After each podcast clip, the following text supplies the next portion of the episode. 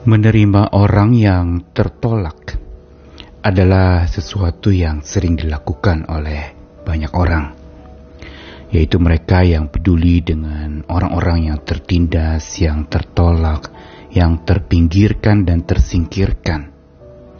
Dan berbondong-bondonglah orang menolong serta menerima mereka yang tertolak itu. Menampung istilahnya menempatkan di tempat yang nyaman supaya dia tidak lagi mengalami penolakan. Namun menolong yang menolak kita itu adalah sesuatu yang jauh lebih sulit dan jarang orang melakukannya. Biasanya ketika seseorang ditolak atau tertolak, dia tidak pernah akan mau menerima orang yang menolak dirinya. Dan karena itu menerima yang menolak ini adalah sebuah perbuatan dan tindakan yang sesungguhnya tidak mudah dan memang tidak bisa dilakukan oleh kekuatan manusia. Butuh kekuatan Allah. Butuh kekuatan ilahi karena memang hanya Allah lah yang mampu melakukannya. Menerima bukan saja mereka yang tertolak, tapi justru menerima mereka yang menolak. Ini adalah karya ilahi yang perlu kita pelajari dan kita praktikkan pula dalam kehidupan kita, tentu saja dengan kekuatan ilahi dari Tuhan kita. Saya Nikolas Kurniawan kembali menemani dalam Sabda Tuhan hari ini dari dua bagian pertama dari Perjanjian Lama di Kitab Mazmur 118 ayat 13 sampai 14. Aku ditolak dengan hebat sampai jatuh, tetapi Tuhan menolong aku. Tuhan itu kekuatanku dan masmurku. Ia telah menjadi keselamatanku. Satu bagian ayat lagi dari Yohanes pasal 1, Injil Yohanes 1 ayat 11 sampai 12. Ia datang kepada milik kepunyaannya, tetapi orang-orang kepunyaannya itu tidak menerimanya tetapi semua orang yang menerimanya diberinya kuasa supaya menjadi anak-anak Allah, yaitu mereka yang percaya dalam namanya.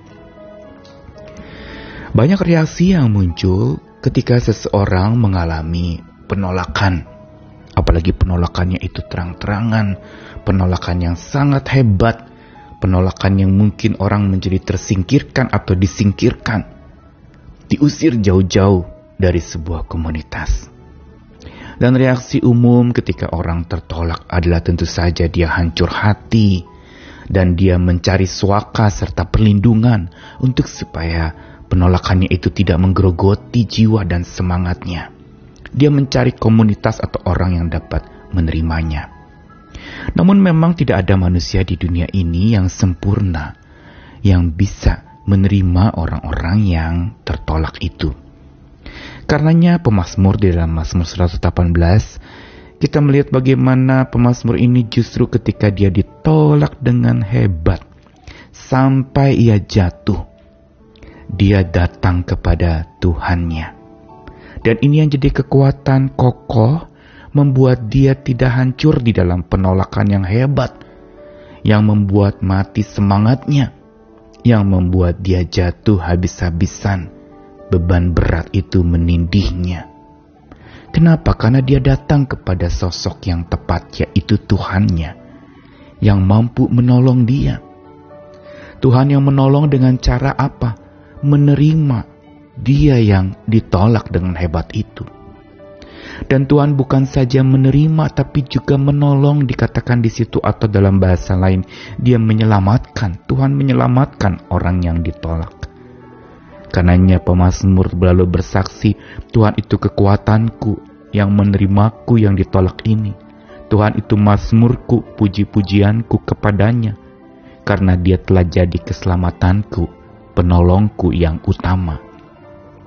Sampai di sini kita melihat bagaimana Tuhan kita maha dahsyat. Dia adalah Tuhan yang maha menolong, yang beri kekuatan kepada orang-orang yang tertolak, yang tertindas, yang disingkirkan atau dipinggirkan, atau tidak dianggap oleh sebuah kelompok atau komunitas tertentu. Dan di sinilah justru kita lihat bagaimana Tuhan menunjukkan kuasa, kasih, dan berkatnya. Namun kalau kita melihat Yohanes 1 ayat 11 sampai 12, ini juga topik yang berkaitan dengan penerimaan dan penolakan. Di sini gambaran tentang Tuhan Yesus Kristus yang datang kepada milik kepunyaan Tuhan. Tetapi orang-orang kepunyaan Tuhan tidak menerima Tuhan menolak Tuhan. Dan kita melihat di sini bahwa Tuhan justru menunjukkan akan kebesarannya. Dia tetap datang kepada orang-orang yang menolaknya. Sebuah tingkatan ilahi yang kita lihat bagaimana tindakan Tuhan yang bukan semata kalau tadi di Mazmur dia menerima orang yang tertolak Kali ini justru dia menerima bahkan dia datang bertolak menghampiri orang-orang yang menolaknya. Ini menunjukkan betapa besarnya kasih Tuhan kita. Dia bukan datang kepada orang-orang yang tertolak saja, tapi dia datang kepada milik kepunyaannya yang menolak dia. Ini merupakan catatan penting yang menunjukkan betapa luar biasanya Allah yang kita percayai dan dikatakan bahwa dampak dari orang yang menyadari bahwa Tuhan itu menerima mereka yang menolak Dia adalah apa? Tuhan mau justru semua orang yang menerima Tuhan, yang tidak menolak Tuhan, itu mengalami, diberi kuasa oleh Tuhan menjadi anak-anak Tuhan, yaitu mereka yang percaya di dalam nama Tuhan.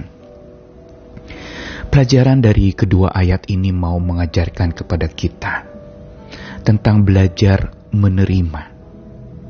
Tentu saja belajar menerima berkaitan juga dengan hal-hal yang di mana kita mengalami penolakan demi penolakan. Tetapi Tuhan kita adalah Tuhan yang justru menerima bukan saja yang tertolak atau ditolak, tapi menerima orang-orang yang menolaknya. Betapa anugerahnya itu ajaib.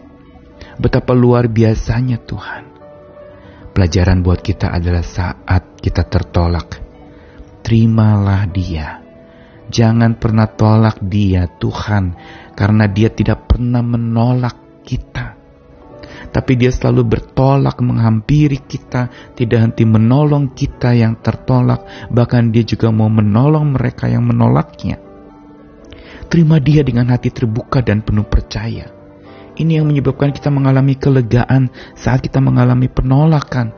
Kita sadar bahwa ada tangan kuat yang mau menerima kita, menghampiri kita, bertolak untuk menerima, menolong kita yang tertolak dan menolong kita pula yang pernah menolaknya atau saat ini masih menolak Tuhan. Karena hari ini jangan tolak kasih Tuhan. Terimalah dengan sepenuh hati, setulus-tulusnya, dan kau akan mampu menghadapi segala bentuk penolakan yang ada di dunia ini. Tuhan datang untuk menerima yang tertolak dan yang menolak. Karena itu hari ini terimalah dia Tuhan yang tidak pernah menolak kita dan selalu menghampiri hidup kita. Selamat menerimanya. Amin.